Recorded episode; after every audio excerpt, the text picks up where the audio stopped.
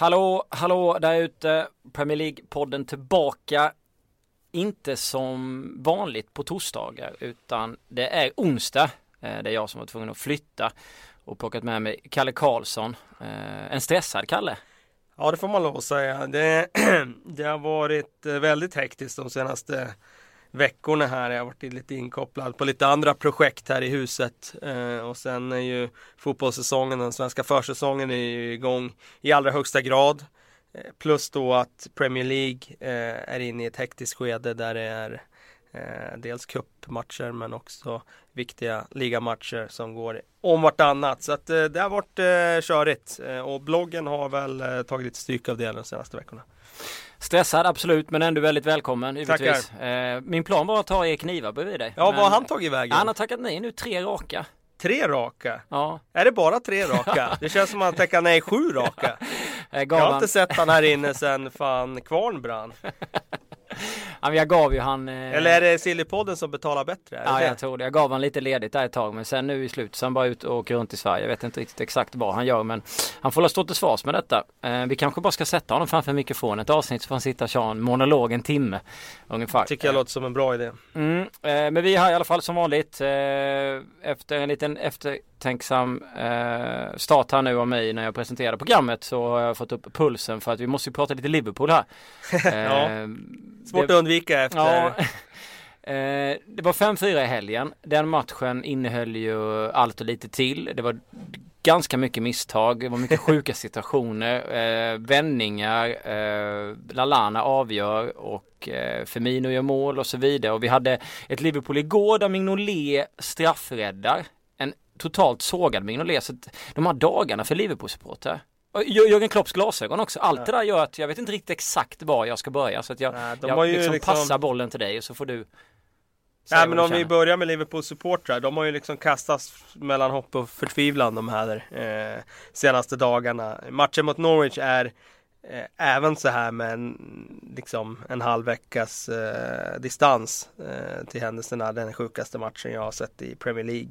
Mm. Och eh, då är det både på ett positivt och mycket på ett negativt ja, sätt absolut. också faktiskt. För att eh, förklaringen till att det blir 4-5 i den matchen är ju till stor del på att lagen själva sätter sig i problem och att de inte räcker till riktigt för, för försvarsmässigt. positivt såklart med det vi har pratat om tidigare just med att Premier League kan ju sannoliken eh, underhålla på sitt eget lilla mm. sätt. Eh, oavsett om det beror på att kvaliteten är lägre eller om den är högre så det är ju underhållande att mm. se en match som, som bölja fram och tillbaka på det där sättet och just med resultatutvecklingen gör ju nästan unik. Ja. Att Liverpool tar ledningen, hamnar i 1-3 underläge och sen är det kvittering och så är det liksom ledning åt andra hållet, det är kvittering mm. det, och sen en avgörande boll i, i 95. Och sen eh, ja, eh, om vi ska kolla, komma in på Jürgen Klopps glasögon där så eh, sa han ju, han, bruk, han brukar ju ha ett par reservglasögon med sig och jag vet inte, det känns som man tjänar tillräckligt för att köpa ett par nya.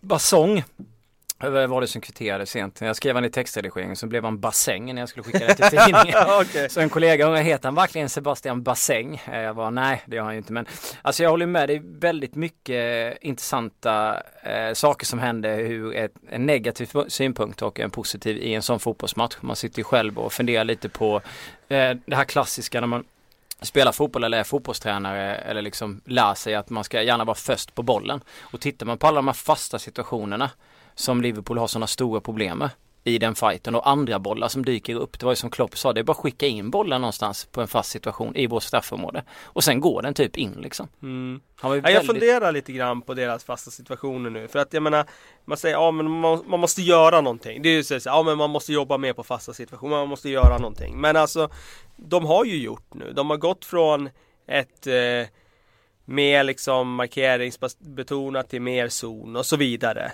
Eh, och liksom tvistat lite där. Jag tror det handlar mycket om att de har inte någon spelare, när Skertel inte spelar, så tycker jag inte de har någon spelare i elvan som är sådär riktigt stark i luftrummet. Nej. Benteke är stark i ett offensivt avseende. Han är bra på att nicka bollen i mål. Absolut. Men defensivt Eller sett. ja, men det är han. Det tycker jag. Jag tycker han är riktigt stark i luftrummet. Mm. Eh, defensivt stark så har de inte någon spelare som är enormt stark i luftrummet. Om vi tar en sån Sakho, han är mm. bra. Mm. Men han är bara som en vanlig mittback. Mm. Han är inte bättre än så utan han är som en mittback ska vara i luftrummet. Ja. Eh, många lag har ju i alla fall en huvudspelare som är ett monster där inne. Som du kan ställa i den farligaste zonen och så vet du att okej, okay, han står i mitten här. Och just här kommer det i alla fall inte bli någonting.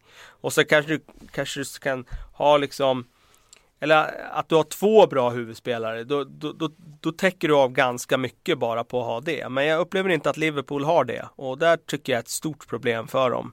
Eh, jag håller med Klopp i att eh, det känns farligt varje gång det blir en fast situation och ett stort problem är ju Simon, Simon Mignolet och hans spel i luften såklart. Ja. Eh, han inger ju inte något förtroende när han ska ut och hänga tvätt och, och greppa de där bollarna och jag tror att det bidrar också till att försvararna blir ännu mer osäkra och nu när det liksom blir som ett mantra att varje gång som, som eh, eh, det blir en fast situation så sitter det där i bakhuvudet nu på dem.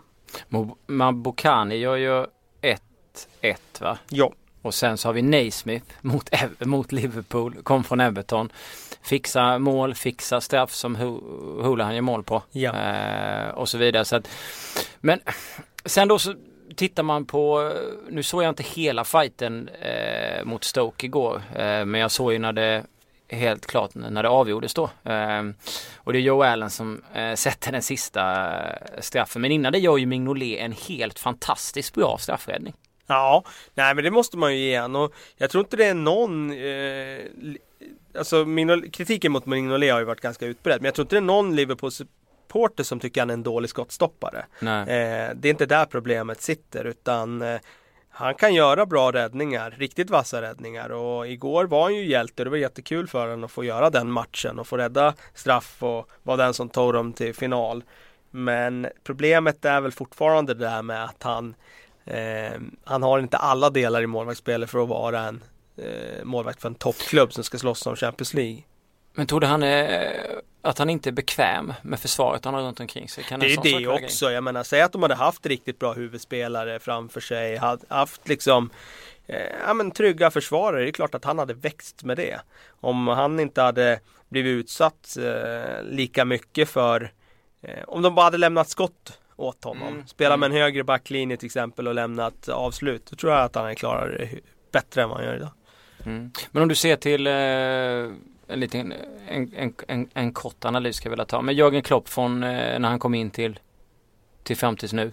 Många pratade om honom som en gigantisk frälsare ja. han kom och jag tror att många kanske tänkte att Liverpool skulle komma lite högre men som, som truppen är idag så går väl det inte att ligga så pass mycket högre än vad man gör eller? Nej och jag menar han har ju haft enorm tur de här senaste dagarna. Jag menar Norwich eh, borta. Säg att det bara hade blivit kryss där i den matchen. Då hade det börjat blåsa där. Mm. Säg igår att de hade liksom åkt ut mot Stoke efter att tappa 1-0 från bortaplan till att Stoke åker till Anfield och vänder det hade ju verkligen börjat blåsa ja, kring honom då. Alltså han har ju verkligen haft marginalerna med sig de här sista dagarna i de här två matcherna. Och nu är känslan att fan, han tar dem till en final, det är positivt och så vidare. Men jag tycker det finns mycket i det där bygget som eh, är frågetecken fortfarande. Försvaret havereras, ändå snackades det om offensiva förstärkningar. Mm. Men jag menar värva backar. Alltså det är ju där det, det, är där det verkligen brister just nu. Defensivt duktiga backar vi har. Ja, alltså precis. Vi vill jag... inte ha en van Arnholt springandes på. Även om han eh, har sina fördelar så tror jag inte just en van Arnholt är det Liverpool behöver. För att eh, Moreno har också en bra offensiv tycker mm. jag. Fina fötter och en bra offensiv. Men det är ju defensiven där som eh, tycker jag är Eh, den är för ojämn. Det var ju, jag slängde upp honom nu för en liten, försökte få till en fin övergång. Han har ju gjort fyra baljor nu på fyra matcher. Jag vet att jag twittrade tre men fick en liten, eh, ja. Det var tillrättavisning. En, tillrättavisning på, på Twitter av en kille, jag kommer inte ihåg exakt eh, vad han heter. Men hur som helst, han gjorde alltså sin, sitt, fjärde, sitt fjärde mål. Ja. Eh, för Sunderland som nu har två vinster och ett kryss på de fyra senaste. Känns som att Big Sam du Ja. Kanske kan fixa det här eller? Alltså jag tror ju det. Eh, utifrån att man vet att han alltid Han alltid, alltid, alltid Gör eh, Sina lag mer svårbesegrade Mer raka, cyniska Pragmatiska och jag tror att det det automatiskt kommer att göra att det blir några mer poäng än vad de hade grejat med det där materialet annars. Jag räknar inte ut dem nu när han har kommit in där. Van Alholt är ju intressant utifrån att eh, ja, alla känner säkert till hans historia att han är Chelsea-fostrad och mm. varit utlånad både hit och dit. Vitesse var han ju i två år typ. Och eh, han har ju en väldigt bra offensiv. Det är ingen tvekan om det alls. Eh, så att eh, det ligger väl helt i linje där med att ehm, att han har gjort eh, några mål. Men eh, jag sätter fortfarande ett frågetecken kring hans defensiv. För den tycker jag Ja, jag skulle kunna jämföra honom lite med Alberto Moreno på det sättet mm. faktiskt. Lite för mycket defensiva brister fortfarande.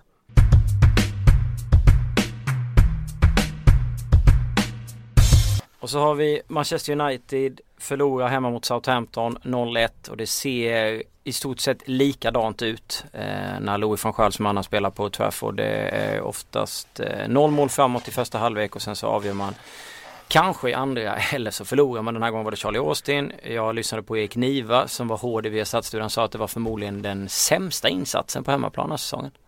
Ja, eh, det går inte att argumentera emot det. Även om jag kände spontant att eh, det finns så många svaga insatser den här säsongen så det är svårt att verkligen ringa in vilken som har varit sämst. Det här var definitivt en av dem i alla fall.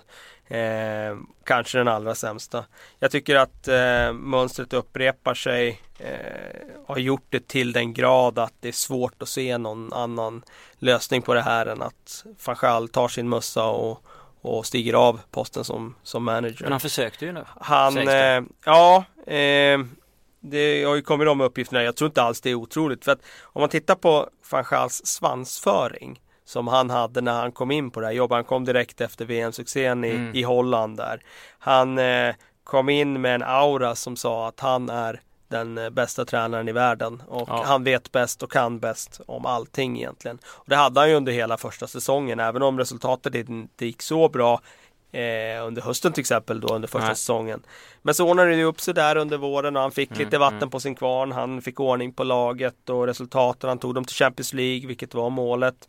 Och eh, Sen tycker jag man har sett att den där tuppkammen som alltid har varit ganska stabil för hans del, den har Eh, ja, den har börjat eh, liksom tappa mer och mer eh, nu under säsongen för att han känns inte alls som den här Alltså den här självsäkerheten han hade förut. I intervjuerna nu då, då håller han med plötsligt om att publiken har rätt att vara ja. förbannad och allt det där. Det känns som att han har lagt sig platt nu och inser att jag kan inte lösa det här. Eh, och bara på att titta på hur han agerar nu så tycker jag att eh, de här uppgifterna som kommer om att han ska eh, liksom lämnat in själv. Det tror jag är eh, mycket möjligt att det är så. Och det förvånar mig väldigt mycket att klubben då har sagt till honom att, eh, att, att han ska stanna. Att det har blivit någon slags prestigesak för Ed, Ed Woodwards del. Eh, Ed Woodward har ju inte direkt varit eh, lyckosam i sin roll. Han var ju en väldigt skicklig marknads eh, kraft i, i, i Manchester United. Men eh, hans rekryteringar på spelarfronten har varit eh, med ytterst blandat resultat. Hans då eh, tunga tränarvärvning har inte alls fallit väl ut och jag tror att det är mycket för hans del att det handlar om en stor prestigeförlust om, om de i det här läget skulle eh, byta tränare. Så att jag tror att det, det, det, ligger säkert mycket i det där att han, att klubben och Ed Woodward har bett honom att fortsätta. Jag vet att jag, jag, jag kommer inte ihåg om jag sa det här eller om jag, om jag twittrade men jag fick en diskussion med vissa andra personer om det där. Eh, jag sa att han eventuellt kanske kunde liksom dra nästan i halvtid van Schaal. Men då menade många på att han har sånt stort ego och han är så självsäker och sådär. Men det blir väl ett till slut när, man, när det går för tungt så blir det egot mer att dra för att han tycker väl att det är andra som har gjort fel här.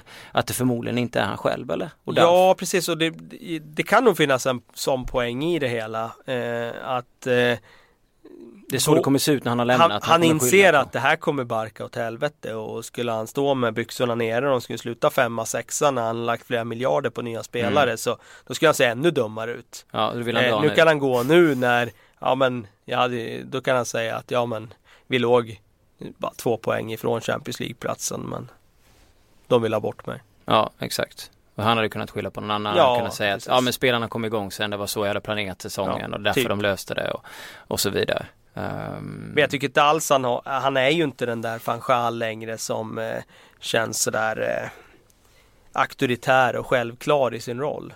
Nej. Han känns ju som en kissekatt jämfört med det liksom lejon som klev in på den där posten. Och det pratades om att José Mourinho ska ha skrivit ett brev där han ville ta över United. Ja. Hur mycket tror vi på det? Han har inte, han har inte postat och skickat in det själv men det kan ju ha gått via någon agent som, som eh, har fått en förfrågan om hans tillgänglighet och i så fall vill vi veta eh, vad har han för planer för det här laget. Alltså att det är så det har gått till. Eh, det är mycket möjligt. Det, alltså, det är ofta så idag om du ska ha de där stora jobben så, så vill, vill man ju ha en rekryteringsprocess som ser ut som, som du gör när du söker ett jobb. Liksom. Du ska komma med en, en avsiktsförklaring med vad du vill göra på din post. Och jag, minns ju Brendan Rodgers kom med sitt 180-sidiga kompendium till Liverpool och, som skulle förklara då vad han ville göra med den klubben. En tränare som eh, mår bättre än de två vi har nämnt eh, det är ju Guidolin eh, som tog över Swansea. Mm. Satt på läktaren, då vann de. Eh, han leder laget ner på bänken, då vinner de borta mot Everton. Eh, även om eh, det bjöds på poäng där måste jag väl säga efter slarvet vid straffen. Eh, det är ju, ja jag vet inte vad de sysslar ja, med. Ja, alltså det är båda två där. Stones får ju verkligen eh, ta sin del av skopan. För han ska inte, men sen tycker jag att Tim Howard gör en... Han sätter sig verkligen i skiten. För att för det första tar han ett steg bakåt. I, i om man tittar på reprisen mm. så ser man att han tar ett steg bakåt när han inte borde göra det. Nej. Det är det som gör att han inte hinner fram på passningen. Nummer två är när han ser att han är tvåa på den då får han ju inte bjuda på straffen. Så är det ju Tim bara. Howard det blir med för... med den erfarenheten alltså kom igen borde han inte kunna lösa Ja han blev lite för rash där. Han skulle då, ha haft lite mer kyla. Då gör ju Sigurdsson den. Sen Ajevs mål som avgör fighten är ju lite lyckosamt givetvis. Det med tar... Hansen där och ja, att den tar ja. ja, precis. Tar, sådär. Men det är ändå liksom tre pinnar. Det är så är det. Så är ja. det. Det går inte att snacka bort på något sätt och jag tycker det var kul att se nu Swansea under Guidolin så, så är det lite nytt Swansea. Eh, jag, jag, har inte sett några siffror på det för man har inte den tillgången till löpmeter bara sådär. Men jag kan garantera, det här vi har pratat om tidigare, eller jag har ju pratat väldigt mycket om det i alla fall, det här, men när det blir tränarbyte så springer lagen mycket mer. Nio av tio ja. lag springer mer efter ja. träna, matchen efter tränarbyte. Jag kan garantera i Swanseas fall att de siffrorna var högre. För nu såg man ju att det var ett lag som verkligen jobbade när de tappade boll. Absolut. Och gick och pressade och jag tycker att de eh, var väldigt positiva att se i den här matchen faktiskt. Eh, inledningsvis så tycker jag de fick mm, Everton lite ur balans med det pressspelet faktiskt. Och jag menar nu känns det som att de är på fötter igen. Det har varit en djup kris där mm. faktiskt. Och eh, ja, de är för bra för att ligga där de har legat. Så att jag hoppas verkligen att de tar sig upp ur det här träsket nu. För att det, det är ett lag som jag eh, har en, eh, ja, jag är lite svag för dem. Jag ska inte säga att de kommer gå som ett tåg här, men jag tyckte också, jag satt och tittade på matchen och tyckte att det syntes liksom ett viss typ av självförtroende redan från start i, en klubb som har haft det tungt. Att man mm. vågade, man trodde på sin idé, man jobbade hårt, man fick också liksom två mål med sig och Everton eh, hade det rätt jävla jobbigt faktiskt rent ut sagt.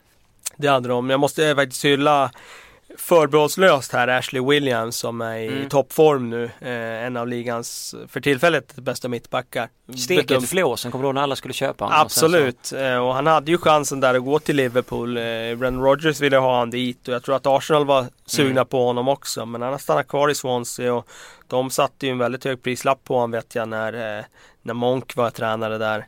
Eh, men det är en väldigt värdefull spelare för, för dem. Och, Just nu är han i toppform. Sen ska vi komma ihåg att det kunde mycket väl ha blivit 2-2 om Coleman hade gjort mål. Så är det ju. Alltså det eh. läget han bränner i slutet är helt otroligt. Ja. Det är nästan bättre att bränna det läget än att göra mål. Det finns ju sådana lägen och det kan hända den bästa men just när det gäller Coleman så har ju han kanske eh, Han har ju eh, Kanske inte den bästa grundtekniken. men där ska väl fan alla i Premier League nästan göra mål eller? Så är det ju. Uh, nej, det var en, uh, en rejäl uh, miss av honom. Och sen som vanligt Premier League-podden den här säsongen så går det ju nästan inte en en omgång innan, eller utan att man pratar om Leicester. Någonstans så måste man ju ja. göra det. Så det är 3-0 den här gången mot Stoke. Eh, man leder Premier League nu, inte på samma poäng som Arsenal utan man leder Premier League på poäng.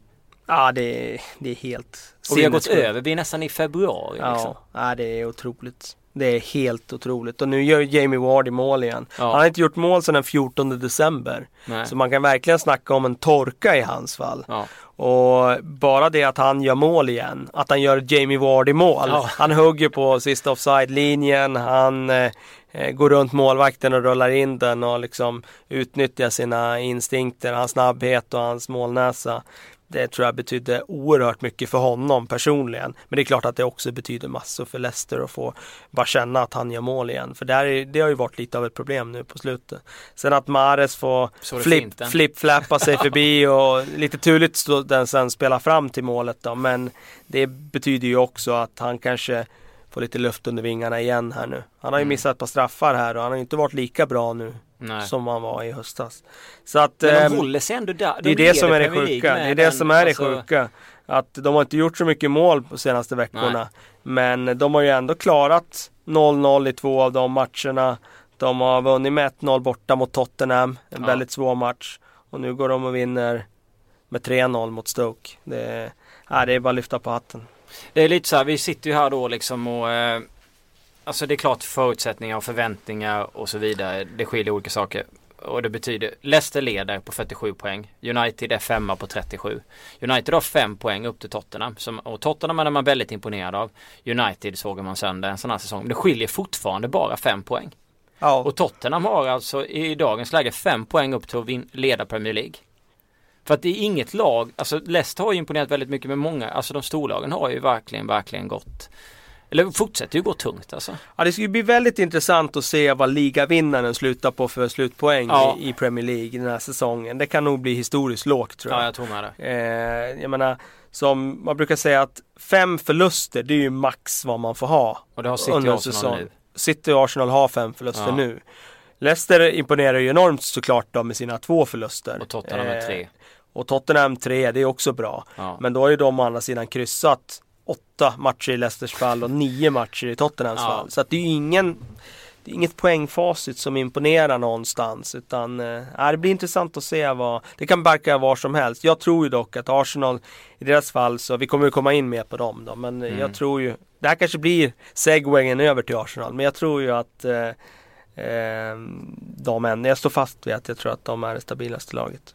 Jag tycker det ser eh, gött på ett sätt. För vi gjorde podden förra året där på våren så satt vi och gnällde över att det hände ingenting. Jag kommer ihåg när vi hade sändningar jag, du och, och Niva här inne. Och... Ja det var ju helt dött ligan i den våren. Ja. Alltså. Det är den sämsta våren någonsin i ja, Premier League. Här... Allt var givet. Och den här säsongen är fantastisk på ja. så sätt och vis. Liksom. Och det är därför ingen kan klaga nu. Nej. Alltså det här är ju den säsongen alla har drömt om. Ja. Där det liksom, det sjuka händer. Leicester leder ligan. Tänk om, det var ju sånt man sa förut. Det kan inte bara hända något sjukt liksom. Att någon mm. går upp och slår sönder topp fyra.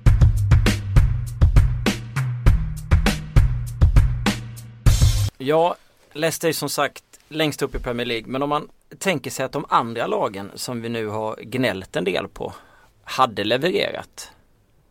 Eh, och Leicester ändå hade liksom, då, hade ju inte Leicester tagit sina poäng givetvis mot topplagen. Men borde inte de andra lagen egentligen ha högre poäng idag som Arsenal och, och City? Och... Jo, det är klart att de borde ha. Nu har ju det här varit en rock'n'roll säsong så att eh, jag tror det varit inne på det lite tidigare i höst tror jag. Just den här kombinationen av att mittenlagen eh, har blivit bättre. Mm.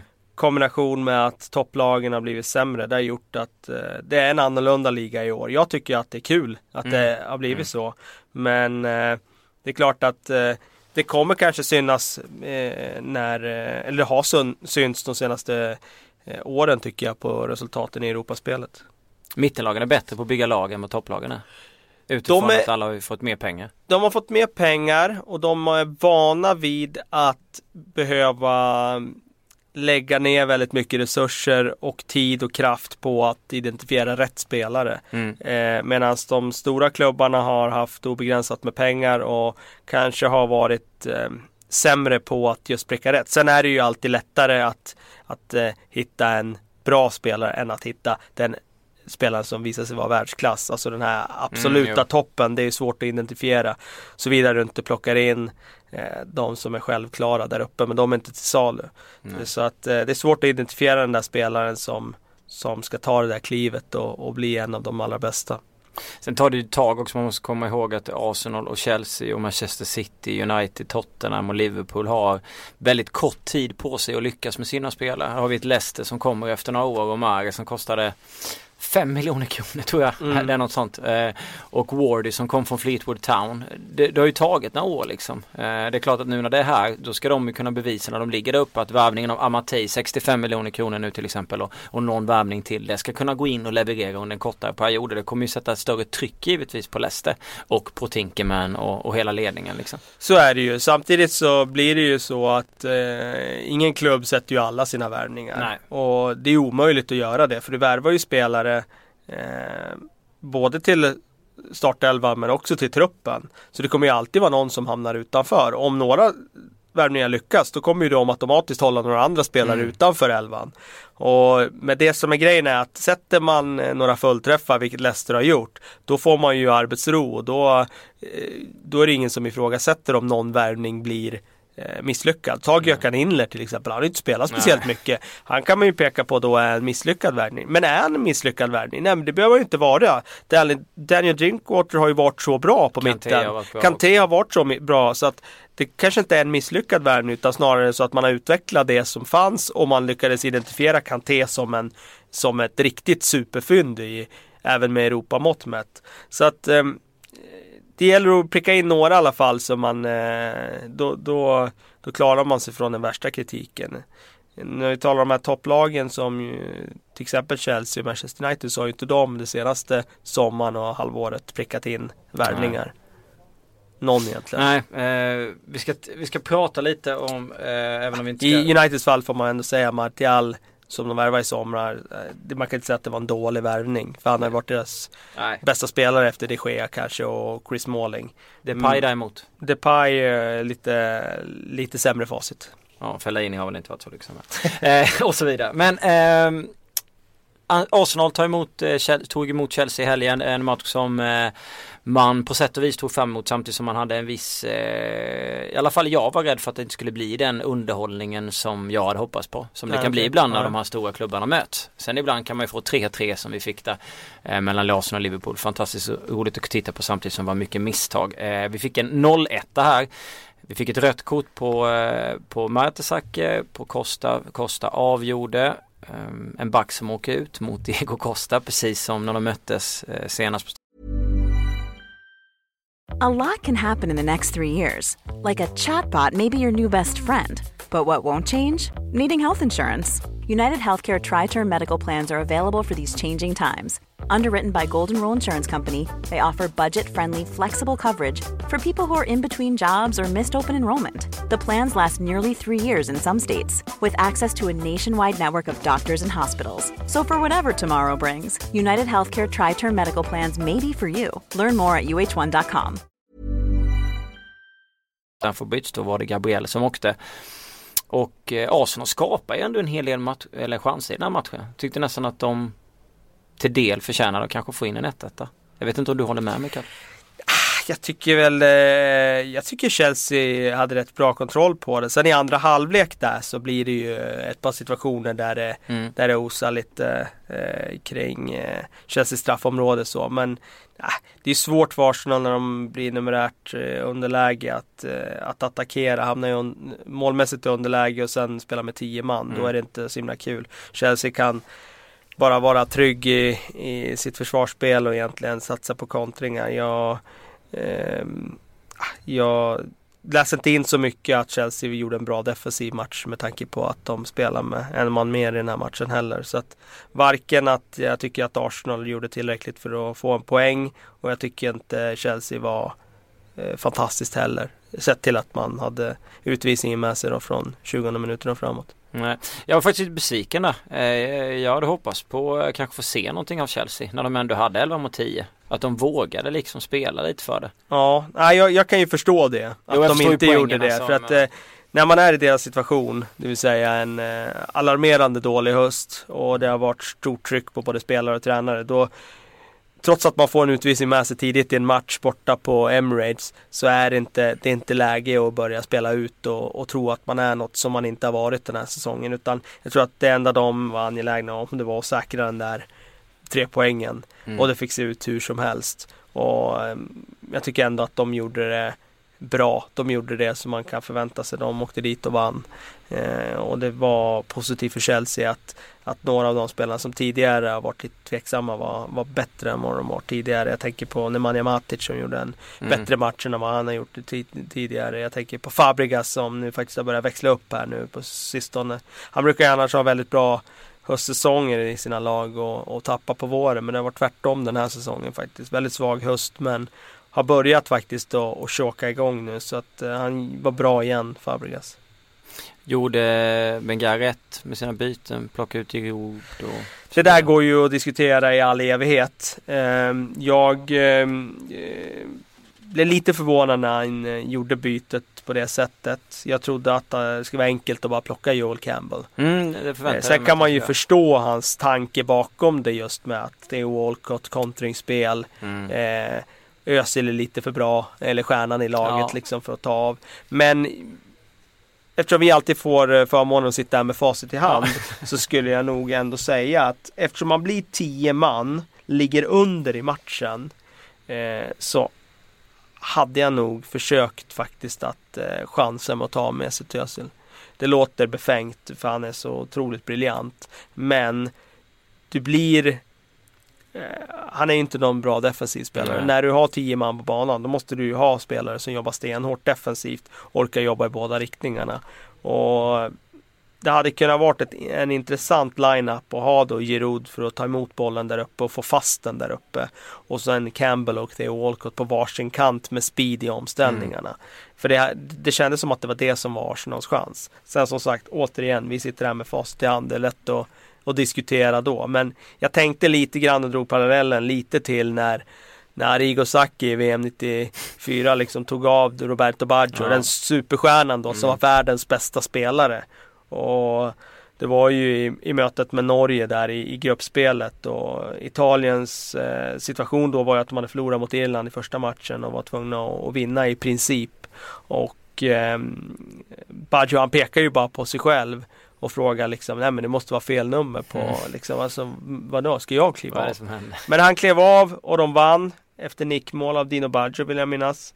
Och eh, hans tanke var nog också där och då att vissa spelare passar inte så bra till att spela när man är tio man och jag skulle säga att eh, beroende på motstånd såklart och situation. Men jag skulle nog säga, sätta både Roberto Baggio och Mesut Özil i, i det facket faktiskt händer lite intressanta saker kan man lugnt säga eh, när det gäller Chelsea. Det är lite silly. Det är lite som att vi touchar lite silly men ändå inte för det finns lite andra saker att prata om.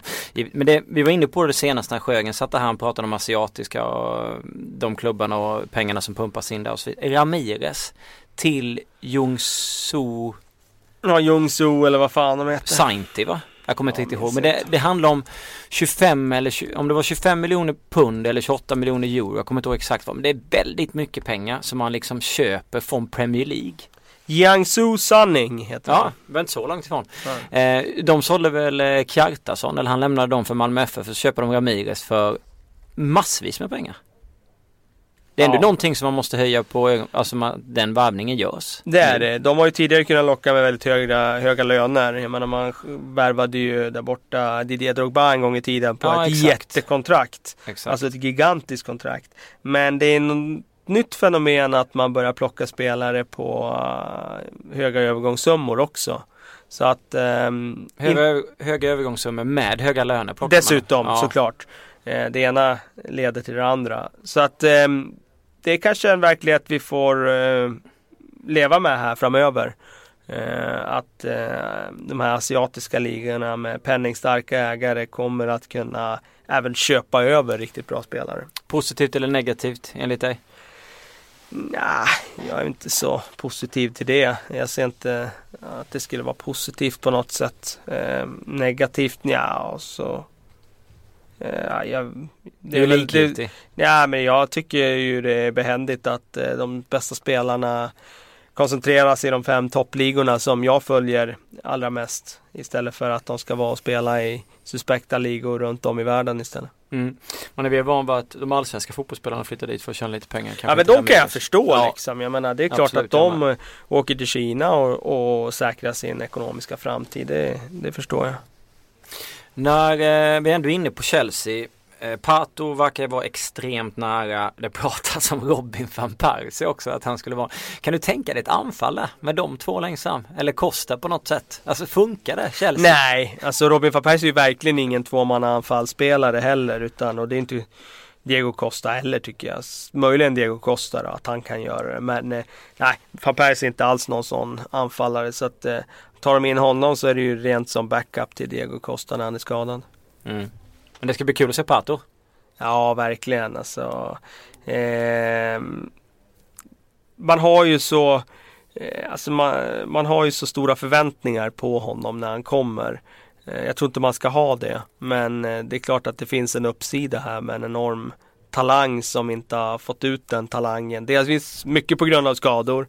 Men också tror jag lite på grund av mentalitet och så. Mm. Så Ja, det blir intressant. Han har snackat själv mycket om det där med att han vill utgå från kanten istället och det kanske han får göra här nu i Chelsea. Och, och det blir spännande att se. Ja, jag ser verkligen fram emot att få följa Pato.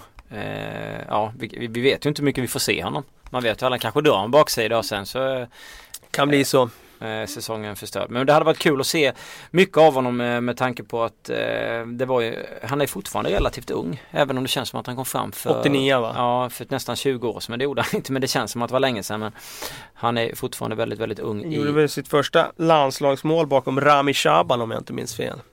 Landskampen mot Sverige. Mm. Ja men det ska bli kul eh, att se och det ska bli intressant att se vad Chelsea kan få göra för, eh, för avslutning av säsongen. Har du ändrat i din eh, åsikt angående dem? Tycker du att det känns någonting annorlunda med Chelsea mot tidigare? Nej, det tycker jag inte utan jag tror att de kommer att vara upp och ner fortfarande. De känns inte så eh, färdiga så att de bara går och tar någon segersvit på tio matcher nu. Det tror jag inte. Nej. Vi tänkte att vi ska köra en mängder med frågor va? Ja, ja. det är lika bra. Ja. Henrik eh, Rönnfalk snackar lite för minus. Ska han spela högst upp? Statistiken talar för det eller ska han ner ett snäpp? Um, jag tror nog att han ska spela högst upp uh, när det passar Liverpool att spela med alltså en lite mer rörlig anfallstrio där. Där de kan skifta lite positioner och där han kan komma och möta ibland och någon annan kan sticka i djupet istället. Så ja, här och nu så tror jag Firmino ska vara spets faktiskt. Mm. Oskar Johansson, hur kommer det sig att inte Joe Hart nämns bland de allra bästa målvakterna i Premier League? Jag tror man har blivit så van med att han är där uppe att han eh, liksom man förbiser honom. Han har en högre lägstanivå. Ja, och sen att han har varit med lite och att man alltid vill bolla upp nya namn och så vidare. Men han har ju gjort väldigt bra ifrån sig de senaste två åren efter att han hamnade i den där svackan får man säga. Så att eh, han är med där uppe också, det är inget tvekan om det. Alexander Kalén, Baba in istället för Ivanovic. Eller är han för dålig? Ivanovic förlängde ju faktiskt i veckan. Man fick han väl ett, ett år till med Chelsea. Ja, var det så att han signade också? Jag ah, såg att det skrevs lite om ja, det. jag kommer inte ihåg om han skrev officiellt på men. Um, ja, alltså Baba har inte imponerat på mig när jag har sett honom spela. Så jag är lite tveksam till det faktiskt. Uh, Nej, jag, jag säger nog att Ivanovic ska få någon chans till. Hade jag sist senast. Nu vill jag nästan slå mig själv här. För när jag sitter och läser frågorna så kommer jag ju på att vi har inte varit inne på eh, Crystal Palace eh, Tottenham. Jag ska inte prata om att Crystal Palace förlorade igen. Eh, och Alan Pardews jobbiga situation. Men däremot Dele Alice fantastiskt makalöst. Jag hittar inte riktigt Jag trodde du skulle avsluta, kröna podden genom Nej, att eller, ägna en kvart åt det. Det sjuka jävla målet han gör rent ut sagt. Ja. När han bröstar, lyfter över och, och vänder runt och klipper. Liksom. Det är helt sjukt det målet alltså. Ja, det är sånt där mål som man kan se om och om igen. Och så kan man gå ner i slow motion och kolla på det. Så kan man gå upp på normal speed igen och kolla på det några gånger och så kan man... Så kan man hämta lite popcorn och sätta sig ja, igen. Ja, precis. Nej, det är ju ett mästerverk av en mästerlig spelare får man säga som understryker att han är någonting utöver det vanliga. Ja. Och vi har ju fått väldigt mycket sådär eh, kommentarer när vi snackade Dele Alli här i podden under året att nej men alltså ta det lugnt nu och eh, han måste bevisa mer och sådär. Det är klart han måste göra det. Men han visar ju vecka efter vecka ja. också att han, han är eh, en väldigt, väldigt eh, spännande ung spelare som jag vidhåller kan bli nästa engelska stora spelare. Eh, Englands nästa stora mittfältare i alla fall. Alltså den tekniska briljansen han visar upp där är ju extremt svårt. Mm. Alltså. Det är få spelare som klarar av att göra det. Ja det är ju uppe bland de allra största då. Vi pratar ju Zidane och ja, vi pratar och han är fortfarande extremt ung. Ja, om man jämför är 19 bast, han är 96. Är Pochettino rätt manager för att uh, utbilda och guida denna? Det tycker jag absolut att han är. Är det någonting som Pochettino har visat nu så är det ju att han är väldigt, väldigt duktig på att släppa fram egna spelare. Uh, hans track record när det gäller det är ju odiskutabelt egentligen i mm. Tottenham. Mm. Så uh, ja, jag tycker absolut att han är rätt manager. Det är bara, jag vänder på det, det är bara frågan hur länge får Tottenham behålla Pochettino? Eh, han måste ha stärkt sina aktier enormt av, av eh, sin tid där. Och det som Spurs presterar nu. Både på och även när det gäller, alltså på plan med det spelet de har men även om man tittar på elvan med så unga spelare som de har. Absolut. Och sen känner man ju att man hoppas att Del Alli får vara kvar i en miljö där han kan utvecklas. Det, varit, det är alltid roligt. Man ja, man vill ju inte att han går till ett för bra lag och hamnar på bänken. Men eh, det tror jag inte han kommer göra. Nej. Mårten Everbrand, vi har Den här frågan är lite rolig med tanke på att vi skickade rätt på smällar mot Mignolet här men efter helgen är Tim Howard världens sämsta målvakt. ja, säger vi då. Det svänger fort i fotbollsvärlden så det, svaret är ja. Just den här veckan är han världens sämsta målvakt. Mm. Martin frågar om du var tränare Kalle för Manchester United imorgon. Vad hade ditt första ord till spelarna varit i ett sånt här läge? Oj! Ja den är ju inte lätt. Så bara... Hade det varit ett oj? ja. Ja det hade nog varit, när frågan hade kommit hade det nog varit ett oj. Eh, ja den är, den är svår men det hade nog varit liksom eh, någon slags budskap om att eh, göra en ny start, att vi eh, måste göra någonting eh, radikalt för det har inte varit eh, nära nog dugligt det som har presterats hittills den här säsongen. Vi eh, måste bli på något sätt måste locka fram ett eh, mer kreativt spel, ett friare spel och inte lika inlåst. Så något, någon slags eh, riktning åt att eh, kanske mm, få spelarna att känna att eh, de inte kommer vara lika, eh, liksom, eh, lika strikt eh, taktiskt system framöver. Nu fick jag ju känslan här eh, för att ställa en fråga också till dig Kalle. Eh, bara för det. Jag tar tillfället i akt. Eh, Ferguson. Ja. Du att vi får se honom styra United i vår? Nej det tror jag inte. Eh, jag tycker inte att han ska göra det. Eh, jag, jag, tror inte på den typen av comebacker. Eh, när frälsaren, Messias själv ska komma tillbaka. Det blir Nej. inte samma sak. Jag tror att han riskerar att förstöra arvet, hans arv. Mm. Om han gör det. Han, eh, jag tror samtidigt han är tillräckligt smart för att förstå att truppen är inte speciellt bra. Nej. Eh, så det spelar ingen roll om han kliver ner. Det kommer bli en förbättring. Eh, bara rent mentalt av att han kliver ner och, och tränar laget så kommer det bli en förbättring. Men det kommer inte räcka till några stordåd, det tror jag inte. Eh, jag tror inte att han gör det. Jag tror det ligger närmare till hans i så fall att eh, Giggs får säsongen ut eller att de fotar Giggs, att han åker med ut med Fanchal i så fall och att de tar in någon annan. Isak eh, kommer med en fråga som handlar lite om Champions League. Om CL skulle vara gjort så att de 32 bästa lagen skulle spela. Hur många skulle vara med från PL? Och vilka tycker ni? Självklart val är väl Arsenal och Manchester City va? Ja, det är det ju. Men kommer vi mycket längre som det ser ut just nu? Nej men här och nu, alltså vad, vad är det som säger att liksom ett Tottenham inte skulle vara med ja, där? Tottenham, ja. Leicester. Mm. alltså tabellen ljuger ju inte så att Du vill ha med de två? Det blir Nej men alltså Ja alltså de är ju bäst i Premier League just nu. Det är bara att titta i tabellen. Mm. Eh, så ja. Vi kör de fyra då, de får fyra ändå.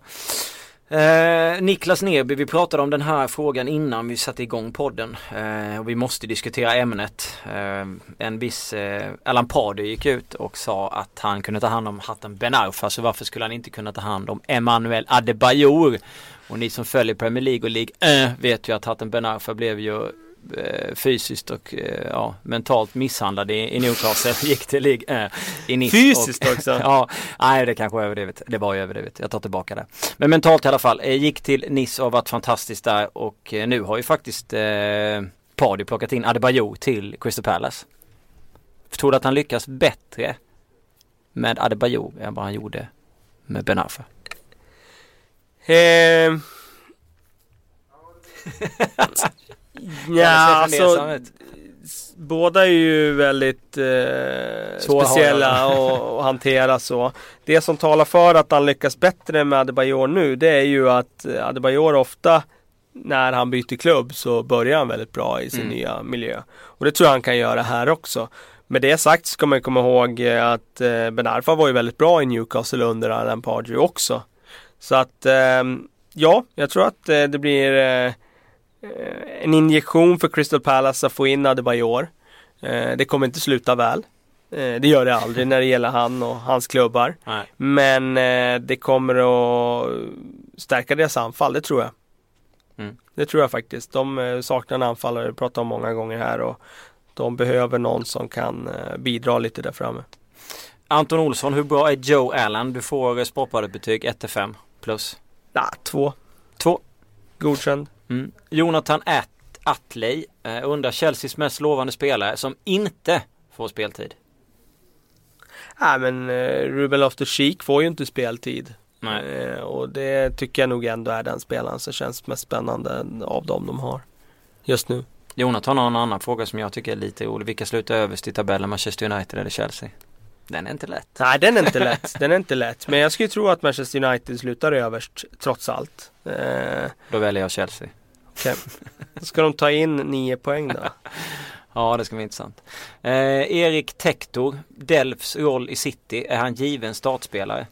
Nej, det är han inte, men han har ju närmat sig det eh, rejält mm. under den här. Han har ju övertygat faktiskt. Och, eh, han är inte så långt därifrån. Han har ju en egenskap som City behöver. Det är just den här alltså, rörligheten. Han kan springa mellan båda straffområdena. Han eh, orkar pressa och han, eh, han bidrar med tvåvägsspel. Eh, när Jaja bara spelar åt ett håll så att säga. Så att ehm, man får ändå säga att Delf till City var en rätt bra värvning för dem ändå. Eh, billig spelare. Eh, och eh, har ju utan tvekan förbättrat deras trupp. Emanuel Högstrand, eh, vilka lag har bäst respektive sämst framtid? Vi har bland annat inne, varit inne på Everton här. Eh, att det ser spännande ut där. Eh, vad har vi fler, mer, fler lag? Som är vadå? Jag förstod inte. Vilka lag har bäst respektive sämst framtid? Sämst framtid, Everton? Nej, bäst. Ett av de lagen som ser Jaha, okay. mest spännande ut för framtiden är Everton. Ja, Tottenham tror jag har en jävla Tottenham bra också. framtid nu om man eh, säkrar upp Champions League-spel. Då sitter ju de i en väldigt ja, bättre sits än vad de någonsin har suttit i ska jag säga. För att mm. nu har de ju eh, nu skulle de ju slå sig in i ett läge där andra toppklubbar är väldigt, väldigt eh, sargade. Mm. Eh, och har en mer osäker framtid. Så nu finns det ju en läge att verkligen slå sig in. Så Tottenham tror jag har en bra framtid. Jag skulle tro att ett lag som Leicester har en ganska fin framtid nu om man lyckas göra en så här bra säsong. Och då är det ju såklart med deras mått mätt. Mm. Då ska de kunna etablera sig på över halvan i Premier League. Sämst framtid då? Ja, Sunderland tycker jag ser eh, mörkt Villa. ut. Aston Villa såklart. Sunderland kanske klarar sig nu med Sam Allardyce. Men de tar ju ett litet steg framåt när de klarar kontraktet och så tar, lyckas de ta ett steg bakåt igen den efterföljande säsongen. De tar ju aldrig ett steg framåt någon gång. De måste och, spola hela Ja, de, de är liksom i det där ekorrhjulet där det bara snurrar på och där, där du liksom du skulle behöva rensa ur både både i, i alla led egentligen i klubben. Kalle Cederqvist är inne på det här med domarbeslut. Att de, storlagen får med sig det lika lätt som förr. Tycker vi att de får det och eh, han tycker att det känns som att det har minskat. Nej, jag har faktiskt ingen uppfattning om det. Jag har inte heller tänkt på det liksom. Att de skulle få med sig fler eller min, färre. Men det kanske är så i år då att um, de här lagen... Har ju upplevt att ja, han får... De här lagen som vi är vana ligger i toppen, de har inte varit lika bra. De parkerar inte lika ofta på offensiv planhalva längre. Vilket har gjort att de kanske har mindre chans också att få de där enkla straffarna med sig. Mm. Svante Corneliusson äh, frågar om något uttalande som Kristoffer Karlsson ska ha gjort äh, angående Ross Barkley att han ska vara överskattad och undrar om du håller med? Ja, han sa väl någonting om, jag minns inte. Det var någon diskussion vi hade om engelska spelare tror jag och då fick jag flika in tror jag. Jag för mig att det var så att jag fick flika in att Ross Barkley tror jag ändå på. Så, eh, jag håller inte med honom att han är överskattad. Nej. Om eh. han nu har sagt det så håller jag inte med honom. Axel Olsson, PL-kaptenen i form av bästa PL-kaptenen i form av ledare genom åren, Gerard Terry Keane. Eller kanske någon otippad? Oj, det där är så svårt att säga och jämföra. Eh, alla har ju varit fantastiska kaptener för sitt lag i, på olika sätt och eh, i olika skeden. Eh, men det är klart Gerard som var lite ensam eh, bar Liverpool fram där i Champions League. Inte ensam, jag menar Carragher var väl minst lika bra men de hade ju i alla fall inte ett lag då med världsklasspelare på alla positioner utan han fick ju dra ett väldigt stort last. Det, det var, det, det, som enskild händelse var ju det kanske den mest imponerande eh, liksom kaptenssäsongen. Thomas Nygren frågar, vi har ju pratat om båda. Roy, Ke Roy Keane hade ju en väldigt eh, eh, väldigt imponerande enskild match mm. som kapten vände nästan på egen hand då borta mot Juventus i Champions League 99. Så det kanske är den mest imponerande enskilda insatsen som kapten. Förlåt, vad sa du? Ja, Nygren där han, eh, han vill att vi ska jämföra Del Alli eh, under den här säsongen med Barkley under genombrottssäsongen. Dele Alli, han är en större talang. Jag tycker det är så ja, svårt. alltså det där är svårt men det är klart att Dele Alli som han spelar nu, han spelar ju eh, Vi har ju det fast i minnet med, med det här ja, målet och det är svårt så är det ju. Alltså, så är det ju. Uh, så vi får väl man får återkomma till det men uh, han, han uh, Hans genombrott nu, Dele Alli känns ändå som att det är där uppe bland de häftigaste, eller inte häftigaste, mest imponerande tonåringsgenombrotten vi har sett i Premier League. Det tycker jag. Ja. Alltså den här säsongen. För att det inte, handlar inte bara om liksom det där enskilda nej, målet nej. utan jag tycker jag, framförallt hans roundspel som är väldigt, väldigt bra. Ja det varit så jävla tråkigt rent ut sagt om vi hade sett den här dippen nästa säsong. Du vet det där andra säsongsproblemet och så eh, ja Ja, jo. Byter tränare. Men det får man räkna med att det kan komma en dipp för, för han också. Jag tar, är faktiskt så pass snäll eh, mot Jonathan Atli att jag tar med en tredje fråga. Nu får han inga fler frågor när var efter det här. Men det är bara för att vi ska avsluta med det för att vi båda gillar Ankan. Hur många mål gör Pato? Fyra. Fyra under våren. Jag slår till med sex stycken. Högt va?